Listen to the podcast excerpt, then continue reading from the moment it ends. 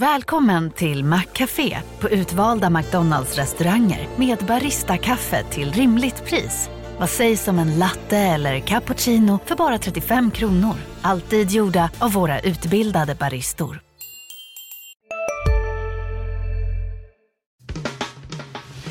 Analyspodden från Dagens Industri. Hej och välkommen till Analyspodden, Dagens Industris podd om börs och aktier. Idag är det jag, Agneta Jönsson, som är tillbaka i studion. Och eh, nu har jag med mig kollegan Torbjörn Isaksson. Du är ju rutinerad och har redan hunnit podda några gånger denna sommaren. Jag har poddat två gånger nu så att jag är på gång. Du är på gång. Och som vanligt ska vi prata om vad som händer på börsen, plus att rapportsäsongen nu är på gång i allvar, så det blir några godbitar från rapporterna. Och som vanligt brukar vi ha ett par case. Är det något annat du tycker vi ska prata om? Ja, det har ju varit mycket med fastigheter eh, den här veckan. Sen har det varit lite intressant med investmentbolag och riskkapital och, och nedskrivningar där. Och eh, blankning är väl ett eh, lite hett ämne också just nu. Det är det absolut. Det tycker jag också vi ska prata om. Men då sätter vi igång. Det är fredag som vanligt och klockan är tio, så vet ni vad vi vet. Och det har varit en trist börs. Senaste veckan så är det ner 3,5 procent. Det har varit riktigt så här varannan dagars handel med stora kast i index. Och börsen är ner nu 22 procent eh, hittills i år på OMXS30. Och, men vi hade årslägsta hade vi här första juli på 1850. Så lite bättre är det i alla fall. Ska vi börja med det här med blankningarna? För det startade ju veckan här med en ordentlig blanka dramatik får man väl säga när Sinch eh, föll 28 procent på en blanka rapport, får man säger, från ett bolag som heter Ninja Research som twittrade om att de hade tagit en kort position och hänvisar till felaktiga värderingar i bolagets räkenskaper. Sen var ju Sinch ute och bemötte det där. De kunde ju inte säga jättemycket eftersom de är inne i en tyst period och allt det där, men eh, det är dramatiskt. Har du tittat någonting på det Torbjörn?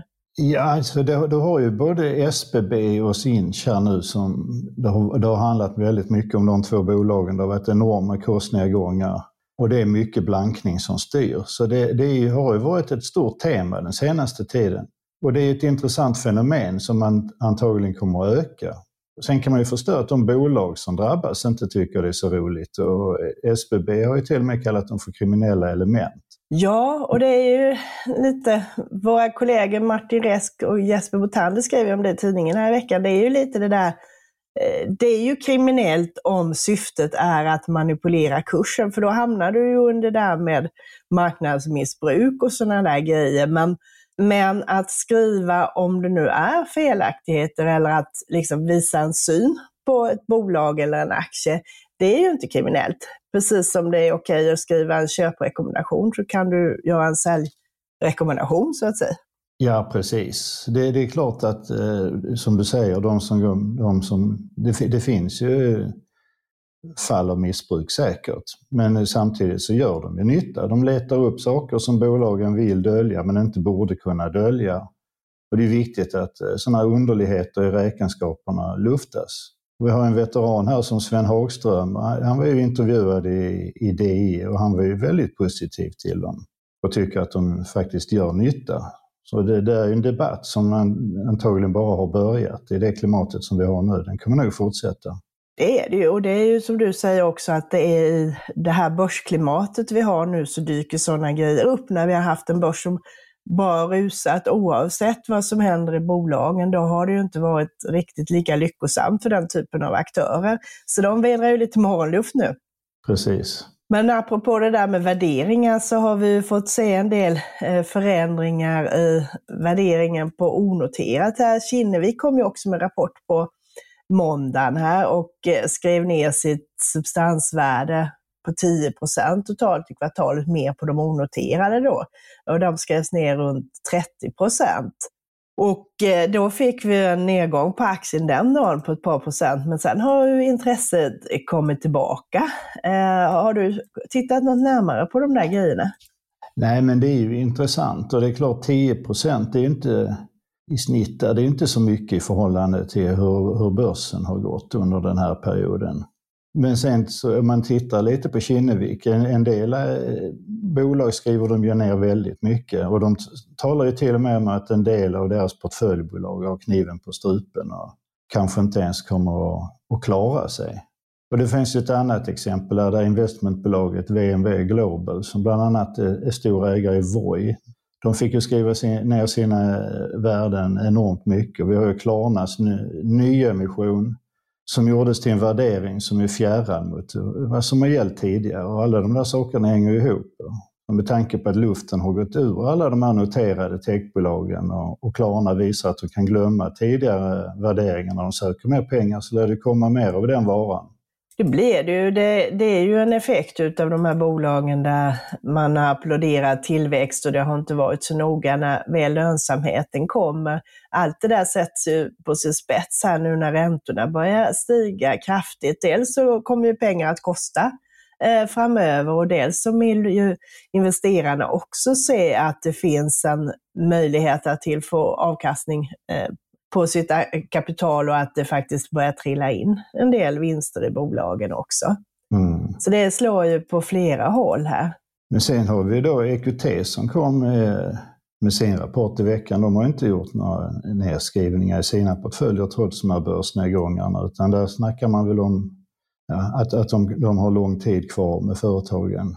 Och sen har ju ett bolag som EQT och en del riskkapital, de har ett stort plus i det här läget med att de sitter med en stor kassa när många andra skriker efter finansiering. Och utköpen från börsen lär ju också öka. Om kurserna är så här pressade, det är svårt att genomföra nyemissioner så att för, för en del, de här kapitalstarka aktörerna, så öppnas ju nu nya möjligheter. Och det gör det ju. Det gör ju också att bolag som är, om säger som är Kinneviks häng till exempel, när Kinnevik nu har en god likviditetssituation så kan de ju gå in och stötta sina bolag om det skulle behövas.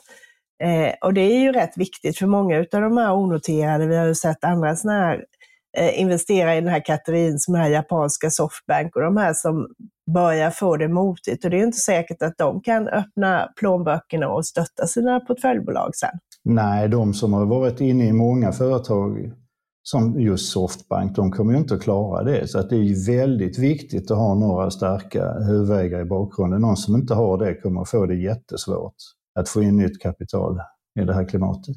Och det har ju mycket med det här räntorna. Vi kanske ska prata lite om det, för det var ju en av veckans stora nyheter var ju den höga inflationen eh, runt om i världen. Dels amerikanska eh, KPI som var 9,1 procent i juni som var den högsta sedan 1981. Och här hemma fick vi också rekord, på säga i modern tid, rekord på eh, inflation exklusive ränta, KPIF på 8,5 procent. Och det här har ju varit hela temat under våren och det som har drivit upp räntorna ganska mycket. Nu snackar man ju här om att inför nästa Federal Reserve-möte 26-27 juli att det kanske blir en höjning på 100 punkter eh, denna gången, det vill säga en hel procentenhet. Eh, och det gjorde ju faktiskt eh, Bank of Canada gjorde ju det nu i veckan här för att då ta i mycket i början här för att försöka göra vad de kan eh, åt inflationen här. Eh, sen kan man ju säga akademiskt om det spelar jättestor roll om de höjer 0,75 eller 1 procent, men eh, det ställer ju till med oro eh, på marknaden helt klart. Ja, det är ju så extremt stora höjningar som kommer slag i slag här så att det, det är klart att det kommer få jättestora effekter framöver. Och, och, och det, det skapar ju den här skräcken som fortplantar sig i hela systemet. Och det man kan säga också som faktiskt jag tycker är rätt intressant, man pratar ju om det här att när korta räntor blir högre än långa, till exempel den amerikanska tvååriga räntan är högre än den tioåriga, vilket det faktiskt är nu, för tvååringen ligger på runt 3,10, 3,15 och tioåringen på 2,90 ungefär. Det är ett tecken på att eh, det kommer att bli recession i ekonomin lite längre fram, kanske om en 6-9 månader. Så att, och den, som man säger, inventeringen den har ju faktiskt ökat eh, på senare tid, vilket visar då att marknaden faktiskt eh, tar lite höjd för att det kommer inflation. Men blir det så, eh, då kanske det till och med är att vi ser att de långa räntorna på den här typen av statspapper kanske faktiskt redan har haft eh, sin först största, högsta nivå och det värsta kanske är taget på den biten. Sen kan det ju öka på eh, kreditspreadar och sådana här saker eh, som ställer till oreda när företag ska låna på obligationsmarknaden och så här. Men eh, det är svårt att se att man kan få bägge delarna, att du får fortsatta räntor som stiger i den här takten samtidigt som eh, ekonomin faktiskt eh, svalnar av. Mm. Ja, men så är det ju. Och då eh, tittar vi på mitt område så eh, får ju det här väldigt stor bäring på bankrapporterna. Som vi skrev innan så är det ju räntenettot som är fokus nu här. Och eh, i tisdags kom ju DNB med rapport och Norge ligger ju lite före oss. De började höja räntan redan i september och ligger nu på 1,25 precis styrränta, vilket då är en halv procentenhet mer än vad Riksbanken är som kom igång lite senare. Och det ser vi, det kickar in nu. Deras räntenetto ökade hela 22 procent.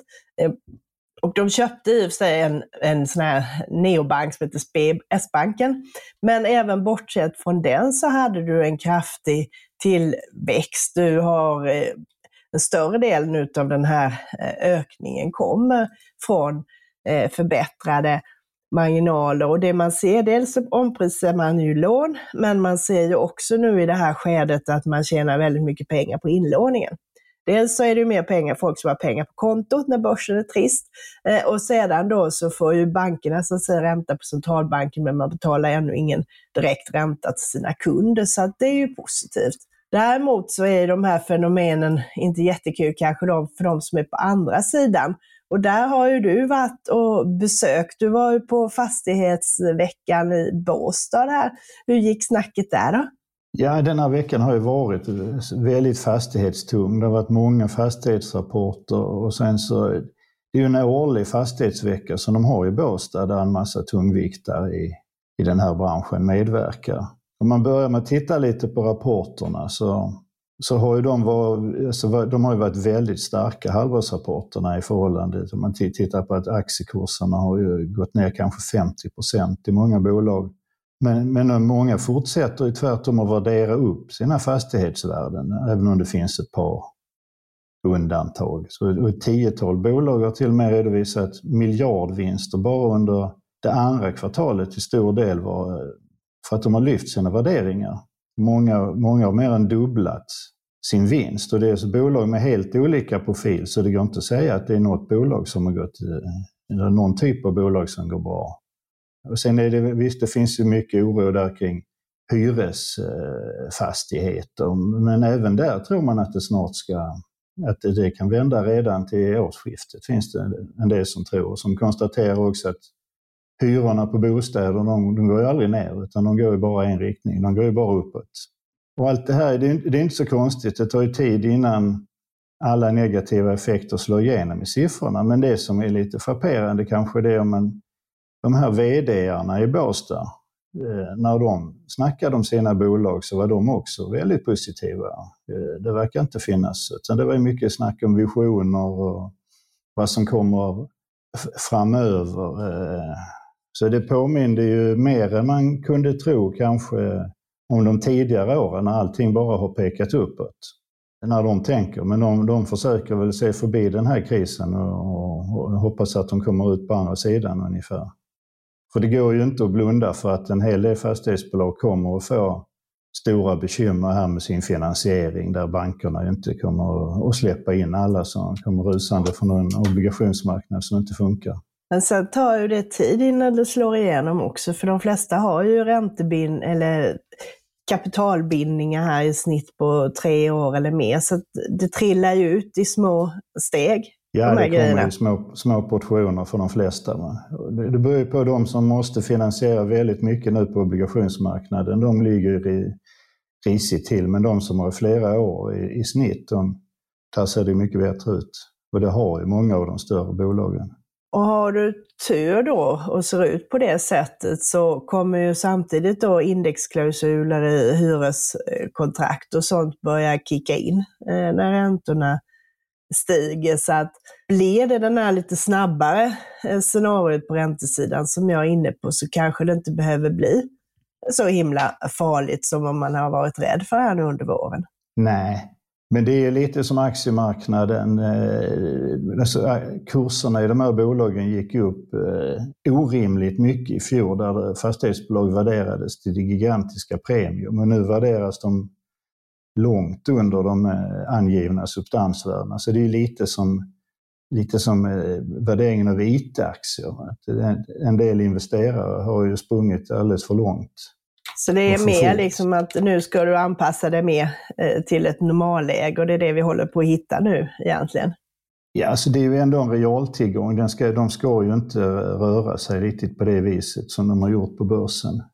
Även om omgivningen har förändrats jättefort så, är, så ska det ju inte se ut riktigt som det har gjort. Med. Men det, det är många som kom in och börja spekulera i fastighetsaktier som kanske inte riktigt eh, har, har varit med om en nedgång heller och kunde förutse vad som skulle inträffa.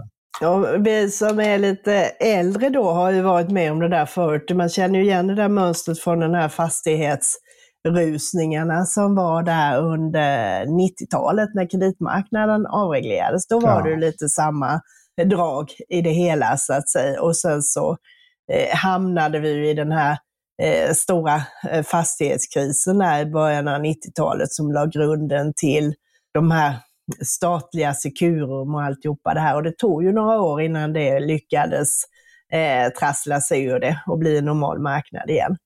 Mm. Men nu säger de, nu är det ju inte lika hårda belåningar måste man ju säga. Eh, så att belåningsgraden i fastigheterna är mycket lägre än eh, vad det var då. Eh, och det är ju en jättestor skillnad mot förra gången. Ja, det är det ju. Bankerna eh, har ju inte, även om det är, det är en, en, stor sektor för dem, så har de inte samma exponering. Och, och du som tittar på bankrapporterna här, de, de verkar ju ganska lugna för fastighetsmarknaden. De är väldigt lugna. SEB, som vi lyssnade på igår, eh, där har, har man väldigt, som sagt var, eh, låga belåningsgrader överlag. Det behöver vara en mycket, mycket sämre marknad innan det ska ha problem med säkerheterna. Det man fokuserar på mest, det är precis som för privatpersoner, så fokuserar man på kassaflödena och det här med räntetäckningsgraden. Så att så länge liksom intäkt, de klarar av att betala sina eh, åtaganden så är det inga problem. Och det är på marginalen då de som har köpt fastigheter med väldigt låga... Har du också valt att bli egen? Då är det viktigt att skaffa en bra företagsförsäkring. Hos oss är alla småföretag stora och inga frågor för små. Swedeas företagsförsäkring är anpassad för mindre företag och täcker även sånt som din hemförsäkring inte täcker. Gå in på swedea.se företag och jämför själv. Hej, Synoptik här. Hos oss får du hjälp med att ta hand om din ögonhälsa. Med vår synundersökning kan vi upptäcka både synförändringar och tecken på vanliga ögonsjukdomar. Tid på synoptik.se. direktavkastningar eh, och där räntorna stiger så du hamnar i ett läge liksom där räntorna blir större än direktavkastningen, då skulle det bli jobbigt. Men det hamnar framförallt de mindre eh, fastighetsbolag i sådana fall här.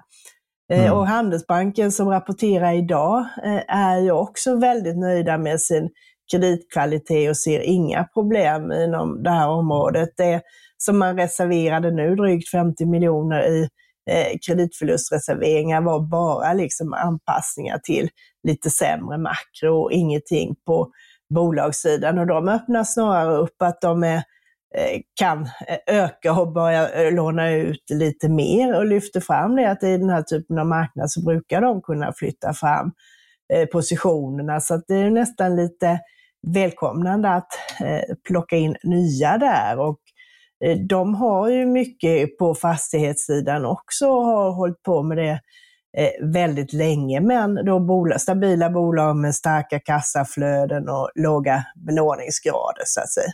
Mm. Så att där märks ingenting utav den här eh, oron. Men ett utav de här bolagen har ju haft riktig dramatik och Det har ju du lagt mycket krut på i veckan här. Eh, SBB som bjöd ju på gårdagens eh, största rapportfall, får man väl säga, med en nedgång eh, på 20 procent här och har fortsatt att gå dystert idag här. Hur ser läget ut där egentligen? Ja, alltså den nedgången som var här efter rapporten, den, det var ju dessutom eh, en av de mest omsatta aktierna den dagen. Den omsattes ju mer än Ericsson som är ett enormt mycket större företag. Alltså för SBB är ju läget det är helt tvärtom mot eh, vad det var för ett halvår sedan. Och då var ju förtroendet på topp och i stort sett allting som det bolaget gjorde ledde till stigande kurser.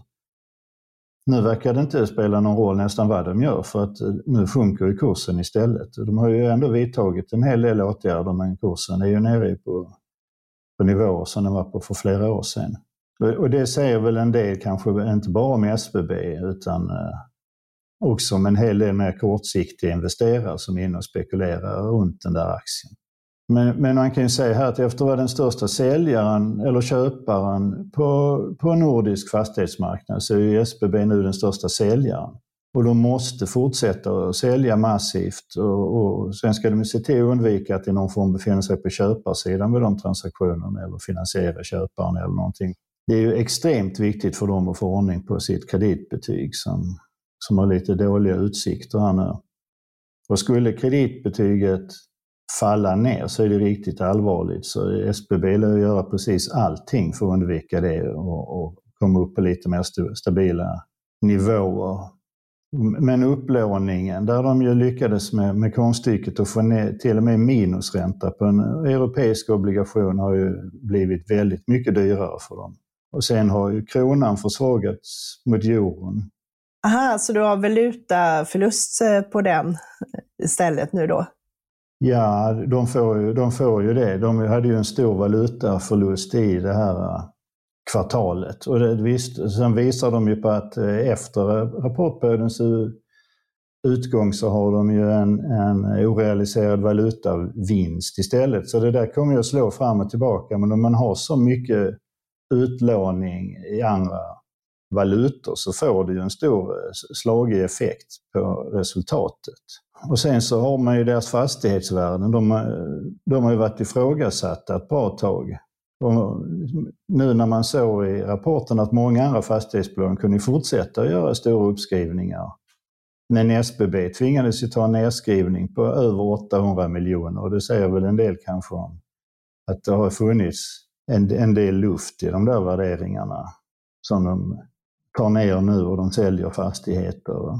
Men aktien värderas ju till en, till en tredjedel av det substansvärde som bolaget anger. Det är en direktavkastning på 9% och de ska fortsätta dela ut, eller de måste fortsätta dela ut eftersom Ilja Batljan också behöver få in utdelningar för att betala sina räntor. Men sen är ju frågan om när aktien är lika billig om man tittar på resultat och kassaflöde eller, eller direktavkastning som om man tittar på de värderingar som bolaget presenterar. Och där finns det väl en, eh, en misstro på marknaden. Och en, och en annan fråga är när en aktie nu gått ner över 75 procent som den har gjort i SBB, kommer inte det leda till en del tvångsförsäljningar och, eh, och hos en del aktieägare. Det borde också vara en risk i ett bolag som tappar så väldigt mycket i värde. Det är ju en risk, för är de belånade och den typen av bolag har det ju varit väldigt lyckosamt att belåna sina aktier och få ytterligare lite hävstång. Så att det är väl inte orimligt att det blir så. Nu slår ju den hävstången som sagt var väldigt snabbt åt andra hållet istället. Ja. Och sen kan man inte låta bli att reagera lite på det här från att vara kö största köpare när du hade fastighetspriser som eh, toppade känns det ju inte optimalt att behöva banta beståndet i den här marknaden när klimatet är betydligt sämre. Nej, det, det är väl sämsta möjliga utveckling kan man säga. Att köpa på toppen och behöva sälja när det går ner. Så vi ser ju det som vi har från en premie då till en ganska stor förtroenderabatt, kan man väl egentligen kalla det som vi ser nu. Ja, visst, så är det. Har du någon syn på SBB i det här läget? Ja, det är väl lite gambling. Det finns så många osäkerhetsfaktorer i, i det där. Han, han måste ju fortsätta att vidta åtgärder. Eh, och, och sälja och rensa upp och öka transparensen. Så att det är, det är en hel del arbete kvar att göra för in, innan han kan få förtroendet och, och, det kan bli en mer stabil värdering av, av den aktien. Ja, så det är lite utav en chansning för de som ger sig in i det nu då? Ja, det är det ju fort, fortsatt, i och med att osäkerheten är så pass stor. Det är ju en sådan aktie som sagt var där det är väldigt stort intresse från eh, många privatpersoner eh, och eh, som du säger själv med den här stora omsättningen som har gjorts. Så sista ordet är nog inte sagt. Du får nog skriva, fortsätta skriva om den lite här framöver. Det lär vi få göra. En annan däremot, som jag tänkte lyfta fram lite som eh, var intressant, var ju Handelsbanken som kom idag här och eh, där, rapport, där aktien eh, går ner lite på rapporten. Som var, får man väl säga, åt det lite svagare hållet. Tittar du på jämför du med analytikernas förväntningar så var nettovinsten 10% sämre än väntat. Eh, men man ska inte räkna bort det här, för det finns en hel del positiva eller punkter eller ljusglimtar i den här rapporten. Eh, och den största är ju att faktiskt nu börjar ju räntenettot öka eh, ganska kraftigt även där. Jämfört med andra kvartalet i fjol så var det en uppgång på 11 procent. Och om man bortser från de här verksamheterna då i Danmark som ska säljas till Jyske Bank men väntas inte bli klart från fjärde kvartalet och Finland som är till salu, så hade du liksom en utveckling med, i låneboken med en ökning på 8 eh, på årsbasis. Där det en, har varit en del på företagssidan och en hel del i Storbritannien. Däremot växer bo, svenska bolån, liksom där de har en stor marknadsandel på strax under 22 procent, växte lite mindre än marknaden som helhet. Där hade du en tillväxt på 5 procent och marknaden som helhet växte strax eh, under 7, men de håller ändå upp det där eh, ganska bra och det är ju en bra bulk. Liksom, för de svenska bolånen svarar på över 40 procent utav deras totala eh, låneportfölj. Eh, så, och det är ju en stabil eh, massa på ett helt annat sätt som eh, växer vidare. Och det ska man komma ihåg att även liksom om det blir lite sämre utveckling på husprismarknaden så är det eh, de affärer som görs är ju ofta att den nya som köper har en högre belåning än eh, vad de som säljer i många fall. Eh, vilket gör att du ändå har en viss tillväxt i det hela. Och en annan ljuspunkt i det här är att de håller upp väldigt bra på sin eh, vad det gäller intäkterna på fondsparande. Eh, deras eh, totala förvaltning eh, höll uppe bra. De förvaltar 900 miljarder. Nu var 844 i fonder och där hade du en minskning eh, på 5% på årsbasis, vilket är ju då betydligt bättre än börsen. Eh, och man har också klarat sig bättre än konkurrenterna vad det gäller eh, då, eh, flödena, vad det gäller nysparande och sådant, vilket gör att man flyttar fram sin marknadsandel på fonder lite till, från 12 till 12,2 procent. Och det är ju ganska små steg på det där, men man har liksom lite gnapar där kvartal för kvartal och flyttar fram positionerna och det är också relativt sett Eh, mycket stabilare intäkter än om du jämför till exempel med courtage och värdepappershandel och sådant som eh, svänger väldigt kraftigt. Så där är det fördelen att de är väldigt små på det där området. Eh, så att stabiliteten är bra för deras del. Plus att eh, de har ju en stor verksamhet i Storbritannien som har varit en följetong. Att den har haft svaga resultat och det har inte gått så bra. Men nu börjar det vända där. Eh, Storbritannien svarar ungefär för en sjättedel av rörelseresultatet i kvartalet här. Och där hade du en förbättring på resultatet med 89 procent. Eh, och det blir en enorm hävstång för där har du intäkterna ökade 26 procent samtidigt som kostnaderna ligger stilla. Eh, så får du den där effekten med större volymer, bättre räntemarginaler så går det väldigt snabbt. Och även där så var det då räntenettot som steg kraftigt, 27 procent. Så att eh, det ser lite ljusare ut. Eh, och sen har man som sagt var sålt verksamheten i Danmark. Det blir ingen resultateffekt eh, direkt, men däremot så frigör de en hel del pengar, ungefär 22 miljarder i riskvägda tillgångar och ungefär någonstans runt en 12 har jag för mig i eget kapital och det är pengar som kan användas till Eh, annat också.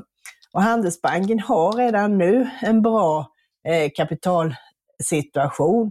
Eh, man har en buffert på 4,8 procentenheter över Finansinspektionens krav och deras eget mål är att ligga på mellan 1 och 3 procent.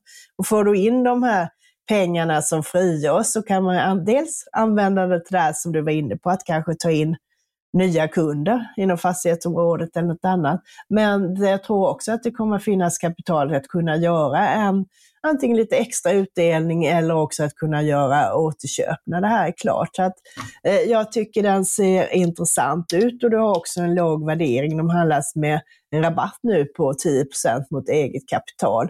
Och där har femårssnittet på Pricebook legat på 1,2 så att det finns en, en ordentlig uppsida om du går tillbaka till en normal värdering. Och blir det lite med det här räntescenariot som jag tror och är kanske inte så jobbigt och dramatiskt så kommer du ha en medvind på räntesidan här resten av året, vilket ser ganska bra ut och eh, förhoppningsvis så fortsätter också volymerna att kunna öka lite här eh, framöver. Så jag tycker det ser intressant ut. Eh, och även där kommer ju då direktavkastningen upp. Tittar du på den prognosen som ligger nu i snitt så räknar analytikerna med utdelning på 7,20 till våren och det skulle ge en direktavkastning på, som börjar närma sig 9 nu. Så det är en sån där, man behöver inte ha jättebråttom, men jag tycker definitivt att det är en aktie att kunna plocka upp. Mm. Och eh, sedan så kommer det ju att komma fler eh, bankrapporter här, Nordea på måndag och Swedbank eh, på tisdag. Men eh, så här långt i alla fall, så, och under våren har Handelsbanken varit lite av favoritcaset och det har också haft en, de har klarat sig bättre än övriga. De har klarat sig betydligt bättre än börsen som helhet. De har tappat 10 procent i år när storbolagsindex har gått upp mer dubbelt så mycket då. Ja. Och förutom bankrapporter så kommer det hända en hel del andra saker nästa vecka. Eh, på måndagen eh, så kommer Ratos och eh, Volati med rapporter. Det är ju två sådana här, vad ska man säga, konglomeratbolag. Och sedan så har du på tisdagen så är det ju NCC. Det kan vara intressant att se vad som händer på byggsidan. Eh, och sen har vi Volvo, Assa, Getinge och Atlas och Nobia. Så nu ramlar det på riktigt ordentligt här. Eh, och eh, är det någon av de här rapporterna du kommer titta närmare på i nästa vecka? Nej, det vet jag inte än, än så länge, men man kan ju konstatera att det blir ju en, man kan säga någon sektorrotation här, att det är helt. Det har varit mycket fastigheter och, och banker. Det kommer det lite banker till, men sen kommer det ju det kommer att komma mycket verkstad till exempel. Och när vi spelar in den här podden har Sandvik inte kommit än, men för de som lyssnar så kan det finnas anledning att kolla in vad vår kollega Mikael Wilenius skriver där under dagen. Sandvik är ju först i, den sektorn och brukar vara en av riktkarlarna för det går för flera andra industriföretag. Och det är ju en, det är en bransch där det kommer, kommer väldigt många tunga rapporter nästa vecka. Så den är väl intressant. Och det är ju intressant. Där har du som sagt var riktigt tjockt där och eh, på, även på torsdagen här kommer ju en hel del bolag som är intressanta. Du får ju Nokia och du får ju eh, Sinch eh, då som kommer med sin eh, rapport där och se om de kan eh, komma med några mer förtydligande efter den här blankarattacken där. Där får man väl se lite om, om Nokia lyckas bättre än Ericsson, ju, som var ett magplask här i veckan.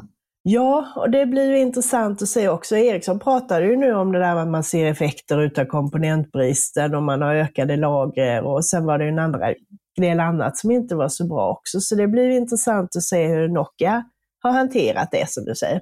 Och sen har vi på fredagen så kommer ju Kindred och vi har ju Electrolux och sen så kommer det också en hel racka med sådana här eh, inköpschefsindex eh, preliminära för juli från Tyskland och USA och Frankrike och sådana här länder som också signalerar ju konjunkturläget här. Så det finns ju en hel del saker att hålla koll på nästa vecka också.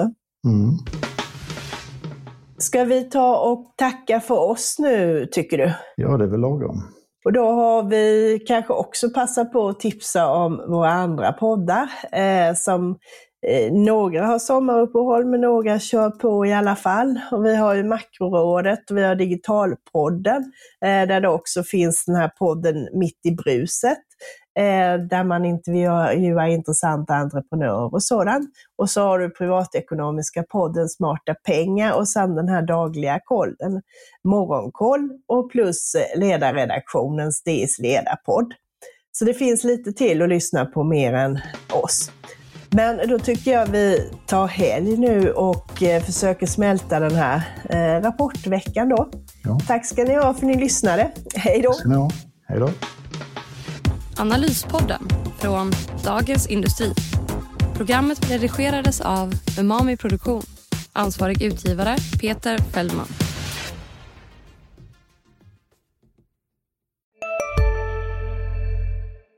Hej, Susanne Axel här. När du gör som jag och listar dig på en av Krys vårdcentraler får du en fast läkarkontakt som kan din sjukdomshistoria. Du får träffa erfarna specialister, tillgång till lättakuten och så kan du chatta med vårdpersonalen. Så gör ditt viktigaste val idag, listar dig hos Kry. Ska några små tassar flytta in hos dig? Hos Trygg Hansa får din valp eller kattunge 25% rabatt på försäkringen första året. Läs mer och teckna djurförsäkringen på trygghansa.se. Trygg Hansa, trygghet för livet.